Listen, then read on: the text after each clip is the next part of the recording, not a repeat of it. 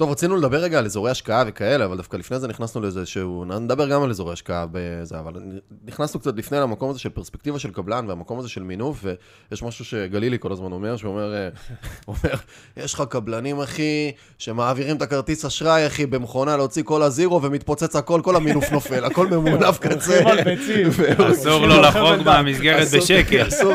אסור לחרוג בשקל בגלל המינופים, כי זה עניין שהרבה פעמים גם כן, אני עכשיו, נגיד, עושה איזה תכנון למשהו שהולך להיות גם יחד איתכם, למינוף כאילו קצה, שהולך להביא אותי למצב שאני...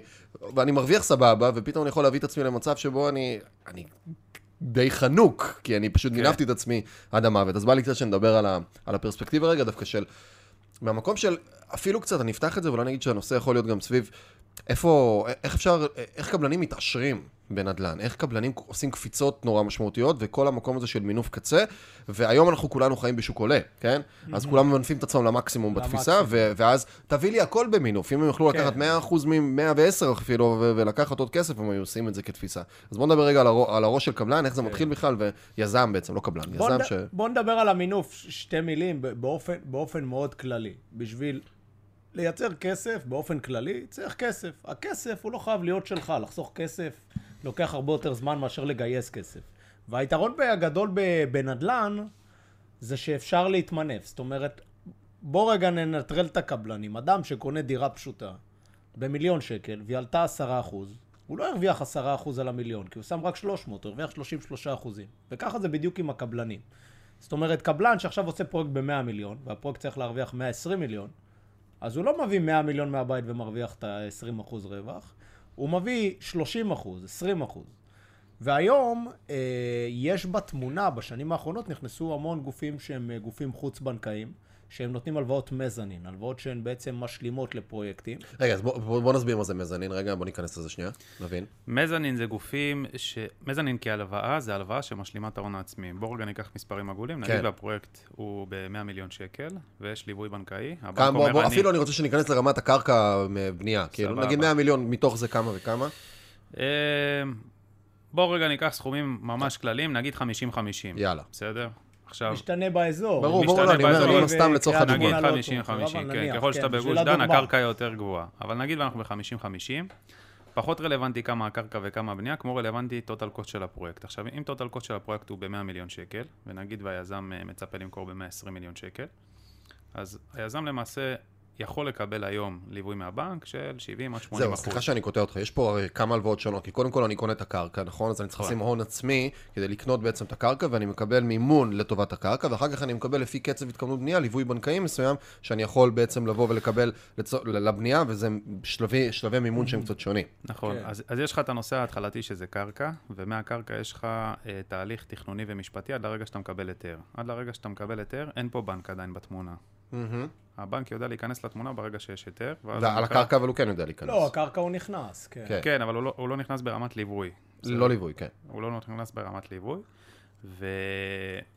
אז כמו שאמרנו, יש את הנושא הזה של הרכישה של הקרקע, היזם בסוף הוא רוצה לנצל את המשאבים שלו. עכשיו ההון העצמי שלך תמיד מוגבל, גם אם יש לך 100 מיליון שקל זה נקרא מוגבל, וגם אם יש לך 20 מיליון שקל זה נקרא מוגבל, כי אתה תרצה לקנות יותר פרויקטים כשיש לך 100 מיליון שקל. אז מה שהתפתח בשוק בשנים האחרונות זה הלוואת מזנין. הלוואת מזנין הזאת אומרת שהיזם יכול לקבל את מרכיב ההון העצמי שלו, גם כן כהלוואה. עכשיו זה אומר שאם אנחנו עושים פרויקט ב-100 מיליון שקל עלויות ויש לנו 80 מיליון שקל מהבנק, אנחנו צריכים להביא 20 מיליון, אני כיזם היום יכול להביא רק 10 מיליון שקל ולקבל 10 מיליון שקל מזנין, מאחד הגופים החוץ-בנקאיים. Mm-hmm. ואז זה אומר שאני יכול לעשות שני פרויקטים. שזה קצת כמו שהיה UMI פעם לאנשים כן, הפרטיים, שהיו נכון. בדירות, שהיו לוקחים את ה... נכון, מביאים 90% מהבנק ועוד 10% או 15% מהזה, ואז... כן. עכשיו, מה שקרה בשנים האחרונות, בגלל גם ששווי הקרקע עלה משמעותית, אז... אה, והריביות היו זולות מאוד, אז התפתח מאוד העניין הזה, שיזמים מתמנפים לכמעט 100% על ידי בנק, פלוס הלוואות גישור, הלוואות מזנין, אה, ולוקחים רוב הכסף, הוא לא מביאים אותו מהבית, מביאים אותו גם בתצורה של הלוואה, כי גם לא שווה להביא משקיע. למה? משקיע לוקח יחסית הרבה כסף. זאת אומרת, אם עכשיו אתה עושה פרויקט, ואתה צריך להביא 30 מיליון מהבית ואתה מתמנף בעוד 70 מהבנק, אם אתה מביא משקיע שהוא יביא את ה-30 מיליון שקל האלה, או 20 מיליון, ואתה שם 10, כן. הוא רוצה אחוזים גבוהים ב... הוא גם. בונה, הוא בא איתך במודלים שהם לא מודלים מימוניים, הוא בא איתך במודלים של תן לי אחוז מהזה, אחוז. מהעלייה, אחוז מהפה, תן לי להיות איתך, תשאיר אני שותף. יזמי איתך כתפיסה. כן. ברור, בוודאי, כן. בוודאי. ואם אפשר לא לקחת את המשקיע הזה, שהעלות של כסף של משקיע באופן... אה, תמיד תעלה יותר, תמיד תעלה יותר, ואפשר לקחת את זה כהלוואה ולהתמנף, כי הריביות נמוכות, וכי יש היום המון המון גופים בנישה הזאת, בשנים האחרונות נכנסו. זה יותר אטרקטיבי, הפרויקט מייצר יותר רווחיות. הבעיה שמעלים את הריבית, אז יכולה לצוץ. אבל הוא לוקח ב- בהלוואת מזנין, הם לוקחים, אה, הם שמים במרכאות אה, הערת אזהרה או שיעבוד ראשון על הזה כאילו, ואז הבנק... מדרגה שנייה. שנייה. משנייה, כן. בעצם הבנק דרגה כן, ראשונה, הם אחר כך במלווה. דרגה ראשונה. והבנק בעצם לא ייתן להם להיות אה, דרגה ראשונה, כי הבנק לא יהיה סקנדרי בהקשר הזה. נכון. כן. אז גם אם- בגלל זה הם לוקחים ריבית יותר גבוהה, זה סיכון משפטי יותר גבוה. במזנין. כן. כן, תמיד המזנין הוא ריבית יותר גבוהה. של כמה? כמה, היום, שוב. היום, בוא נגיד, כשאנחנו בטיפה עלייה בריביות, אנחנו מדברים על סדר גודל של 8-9 אחוז. יש גם, אה, למזנין, יש כן. גם גופים שנותנים בפחות, זה תלוי, ב... הריבית בסוף, צריך להבין, אה, אה, למי שמהמזינים שלנו לא בא מהתחום, הריבית בסוף היא מגלמת סיכון. זאת אומרת, עסק שמוכר כסף, ה- הכסף אה, עולה כסף. עכשיו, הכסף הזה זה הריבית. עכשיו, ככל שהקליינט יותר מסוכן, היזם יותר מסוכן, הריבית יותר גבוהה. ככל שהיזם יותר ממונף, הריבית כן, זה. שני מרכיבים, זה עניין של, אה, זה שלושה אפילו הייתי אומר. זה כן. עניין של ה- מי מי הלווה, מה העסקה, ומה כן. הבטוחות בתוך העסקה הזאת ואיך זה עובד, וגם התנאי מקרו של השוק, למול מה קורה ב- ב- מסביב לדבר הזה. נכון. וכמה, בוא נגיד, בוא ננסה שוב, נחזור ואיך למספרים. היחס של ההלוואה בין הלווה לעסקה. זאת אומרת, ה-LTV, אם הוא יהיה 90 אחוז, ההלוואה תהיה יותר יקרה. תסביר מה זה LTV ומה זה 90 land אחוז, to מה זה אומר? value, אה, הלוואה מקובל ביחס לשווי הנכס. כן. הלוואה ביחס לשווי הנכס, זאת אומרת, אם אנחנו עושים עסקה במיליון שקל, ולוקחים 900 אלף מהגופים הפיננסיים, אז זה, אז זה 90 אחוז מינוף. הגוף הפיננסי הביא 900 אלף על נכס שהוא שווה מיליון, אז הבטוחה היא יותר חלשה. אז הריבית יותר גבוהה. אם תקנה את אותו נכס ותיקח 600 אלף, אז הריבית תהיה יותר אטרקטיבית, כי הבנק הביא רק 600 אלף ויש מיליון שקל בטוחה. אז כשאנחנו שומעים עכשיו על איזשהו פרויקט שקבלן, אה, יזם בונה עכשיו אה, 100 מיליון שקל באיזשהו מקום מסוים, מה מה רסמי? כמה כסף הוא מביא מהבית רסמי? יכול להיות שהוא גם לא מביא כלום. יכול להיות שהוא גם עושה refinance בדרך למשקיעים שלו. זה עולם מאוד מאוד יצירתי. זאת אומרת, רוב הפעמים, מהרגע שהוא קנה את הקרקע ועד ליום שהוא באמת יקבל היתר, שווי הקרקע עלה.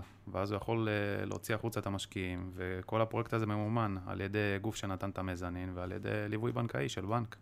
שממש נכנסים לפרויקטים בלי להביא כסף מהבית. בטח. ברוב, המ... לא, אני לא אגיד ברוב המקרים, אבל כן, יש את האלטרנטיבה הזאת. תראה, בסוף בנדל"ן, ככל שהעסקה יותר טובה ויותר רווחית, כולם מחפשים עסקאות טובות בנדל"ן.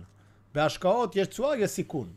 הסיכון בלהשקיע בחברת סטארט-אפ הוא הרבה יותר גבוה מלהשקיע בעסקת נדל"ן. עכשיו, אם יש עסקת נדל"ן בלוקיישן טוב, עם בשר, שזה מצרך נדיר היום, אבל לצורך הדוגמה, אתה מביא עסקה בתל אביב שהיא מתומחרת בחסר, לא קיים, כן, לא ריאלי, אבל נניח קנית אותה מתחת לשווי השוק, עם איזשהו פוטנציאל השבחה, אז ברור, ברור שיהיה הרבה יותר קל להביא כסף, כי כולם ירצו למכור כסף לעסקה כזאת.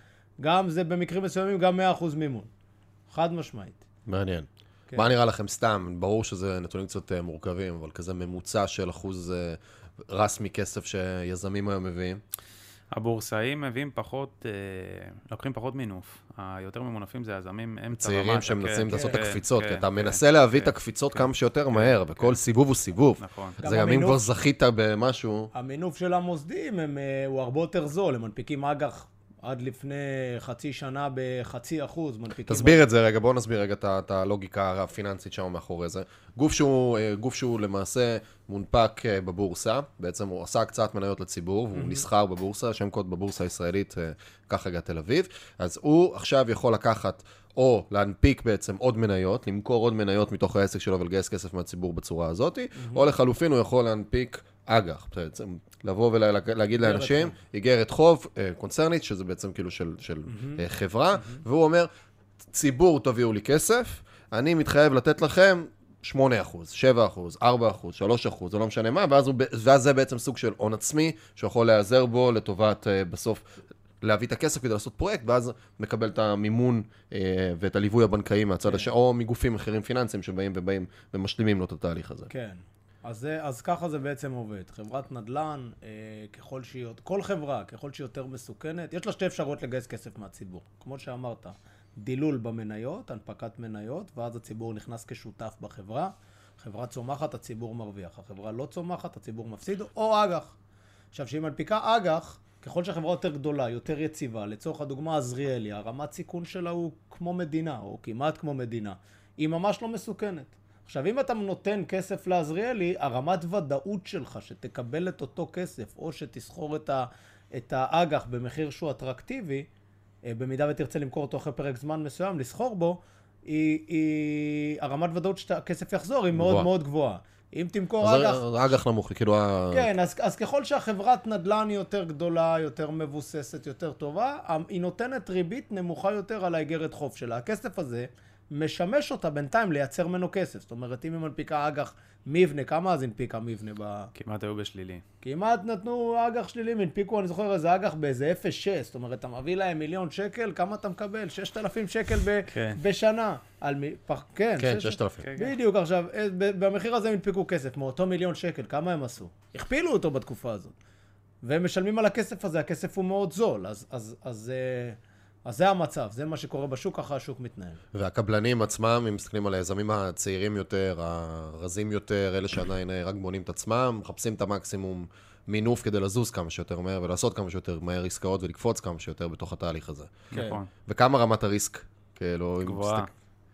איפה, איפה, איפה הנקודות כשל שיכולות להיות עכשיו צריך- ליזם? תזרים מזומנים. תזרים מזומנים. זה אחד הדברים היותר מהותיים. בוא ניכנס לזה טיפה, מה, איך זה נראה, תזרים מזומנים של עסקה כזאת שרצים איתה? עמרי אפילו יכול אה, להרחיב על זה תראה. אם אתה. עוד פעם, בוא, בוא נניח, בוא נניח אתה, אתה, זאת אומרת, התזרים מזומנים, כל עסקה יש לה פרופורציות אחרות, אבל אתה מזרים כסף לעסקה, מוכר את הדירות, נכנס כסף, הכל מתנהל בחשבון ליווי סגור.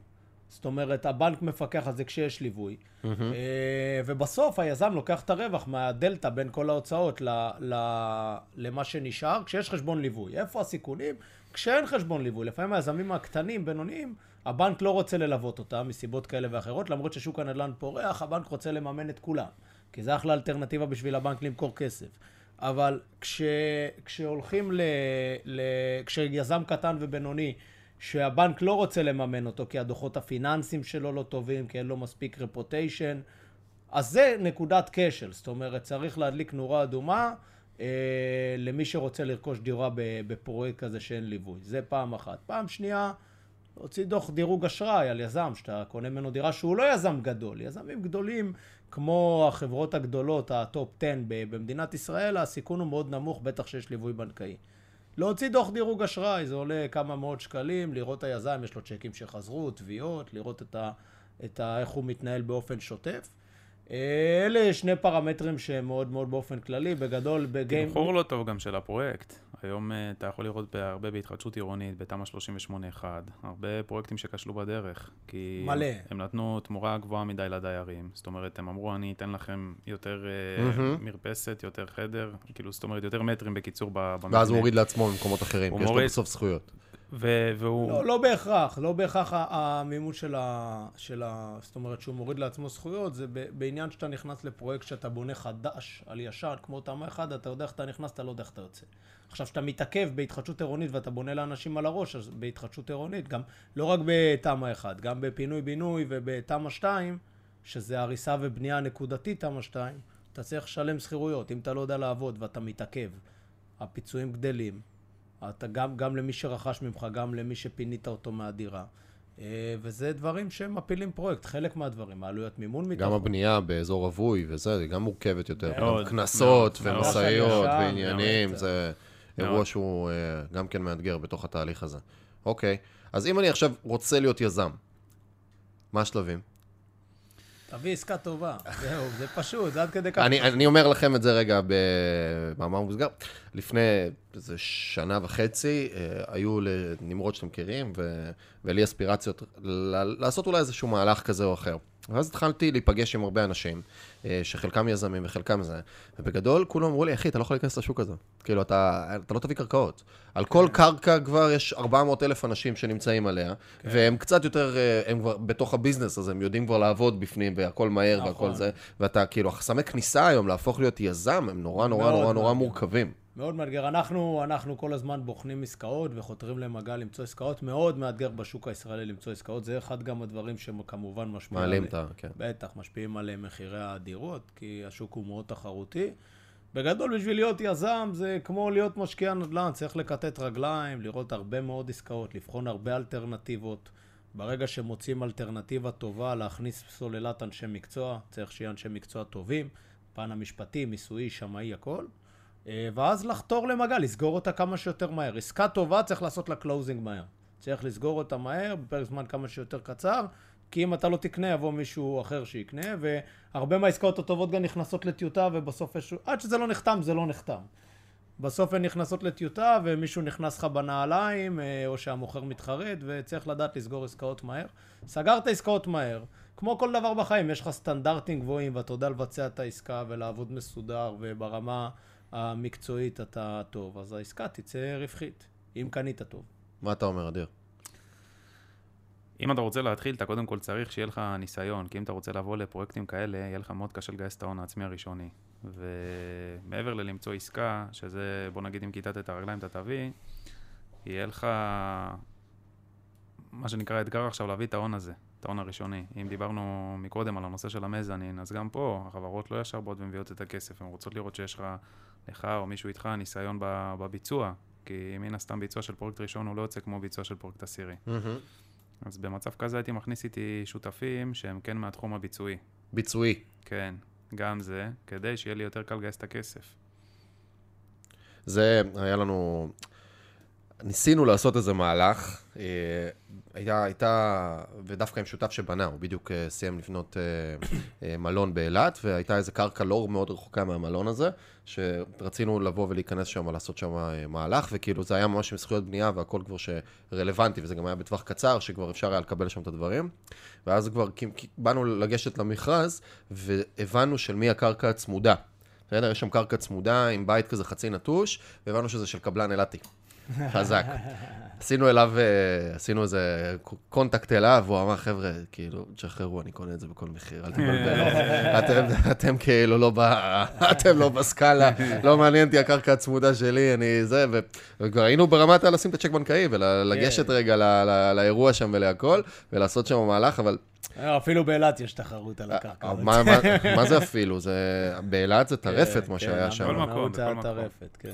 זה קטע. גם- גם הדירות שם עלו הרבה בשנים האחרונות. כן, כן, כן, לא, אני- שוב, רצינו גם כן לעשות שם איזה עסקת Airbnb באיזה משהו. שוק, אה, שוק מטריף לה, והמון המון אתגרים. אה, קלאב הוטל אילת כבר יותר יקר ממלון במינכן. ו- כן. דווקא מינכן, מכל המקומות, מינכן הוא לקח. האמת, מינכן, כי עכשיו היינו שם, יש שם אה, באמת עיר מדהימה, אז חזרנו לא מזמן, אז זה הדבר הראשון שקפץ לי. אוקיי, אוקיי.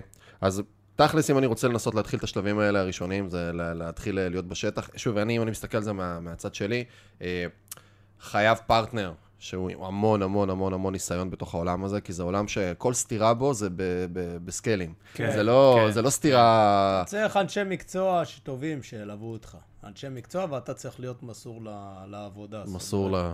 מסור זה מילה גדולה. בוא- לא, אני אגיד לך מה, אני מכיר... אה, מילה קטנה. אני מכיר כל מיני יזמים שנכנסו לעסקאות, ביום שהם חתמו את העסקה, הם חשבו שמכאן הדברים קורים לבד, וסיימו במקומות לא טובים. כן. צריך להיות כל הזמן עם יד על הדופק, לקום בבוקר, לראות מה קורה. אומרים לך בחוץ יש גשם, תלך תראה שיש גשם. אומרים לך יש אה, חושך, תבדוק. כל דבר לבדוק, ורק ככה. ולהבין, וכמובן, אנשי מקצוע טובים, להבין מה אתה עושה. זה, זה כמו לשאול איך מקימים סטארט-אפ, זה, זה בדיוק אותה שאלה. צריך להבין. מילות סיכום?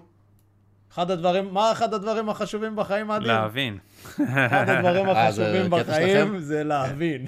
להבין, אנחנו לא... רואים הרבה אנשים שלא מבינים. בא אליי חבר לפני כמה זמן, אומר לי, תשמע, תקנה NFT, שמתי 5,000 שקל על NFT, אומר לו, למה? מה זה NFT, אתה שואל אותו. הוא לא מה זה. NFT? הוא לא יודע לתרגם לך. זה מטבעות, קונים, מוכרים. אומר לו, לא יודע, אומר לו, מה זה לא יודע? שמת 5,000 שקל. אומר לו, אתה יודע מה אחד הדברים החשובים בחיים? אני אומר לו, להבין. זה אומר פשוט. פשוט, תבין, תבין. יופי. אה, יאללה, מילות סיכום שלך, חוץ מלהבין. חוץ מלהבין, אה, כמו שעמרי אמר, לה- לה- להקיף את עצמך בסוללה של אנשי מקצוע שיש להם ניסיון. אם אתה עושה את זה בכובע של יזם, גם לדעתי להכניס איתך שותף ביצועי. זאת אומרת, הביצוע פה זה אירוע מורכב, צריך לדעת להיכנס אליו. ו... הרבה פעמים יזם מביא קבלן מבצע, לא מביא שותף. כן, אבל אם אתה בא בפעם הראשונה, אין לך עדיין ניסיון. זאת אומרת, אה, אתה רוצה שמישהו יהיה איתך בסירה הזאת גם ברווחים. כן. קטונתי, קטונתי מלבוא ולתת עצות בתחום הזה, אבל אני אגיד משהו שהוא בדרך כלל אה, אה, כאילו מובן מאליו, אבל לא מובן- מאליו. בכל מהלך ראשון שאתם עושים, על, וזה לא קשור רק ליזמות, זה קשור להכל, אבל גם לזה, אל תחפשו להרוויח. כאילו, אל תתקמצנו. זה כן. כמו שהרבה ישראלים עושים עסקה בחו"ל, וגם אני עשיתי את זה ועשיתי טעות, שעושים עסקה בחו"ל ולא מביאים עורך דין מטעמם, כי החוק לא מחייב, כן. ואז הם לוקחים את ההסכם של החברה שהם דרכה כן. עושים, ועם זה עם זה, כי. אני כאילו חוסך את ה... חוסך את העורך דין שלי בקטע הזה, כן. אל תחסכו. אל תחסכו לא במפקח כמו שצריך, אל תחסכו בעורך דין כמו שצריך, אל תחסכו לא ברואה חשבון מלווה כמו שצריך. לבוא ולתת שם, כי... למקסם, אני צריך להבין שיש לי שכר לימוד בהתחלה, ואני חייב אנשים שהם כאילו... לא להיות קמצן בהקשר הזה. אם אני מנסה לזקק את, את מה שאתה אומר, עדיף בסוף, התובנה היא לשחוק את שורת הרווח על ידי אנשי מקצוע טובים שאתה משלם להם, מאשר ששורת הרווח לא תהיה בכלל. כן. לא תהיה בכלל. קל להפסיד הרבה כסף. קל להפסיד הרבה. כ- כסף קשה להרוויח, קל להפסיד, צריך לשלם לאנשי מקצוע טובים כמה שיותר טובים, ואז הרווח נהיה ודאי יותר. יפה מאוד, יפה מאוד. אה, יופי, וגלילי, אוהבים אותך, מיכאל. אוהבים אותך, ותפסיק תפסיק לכעוס על ירקות. יאללה, ביי.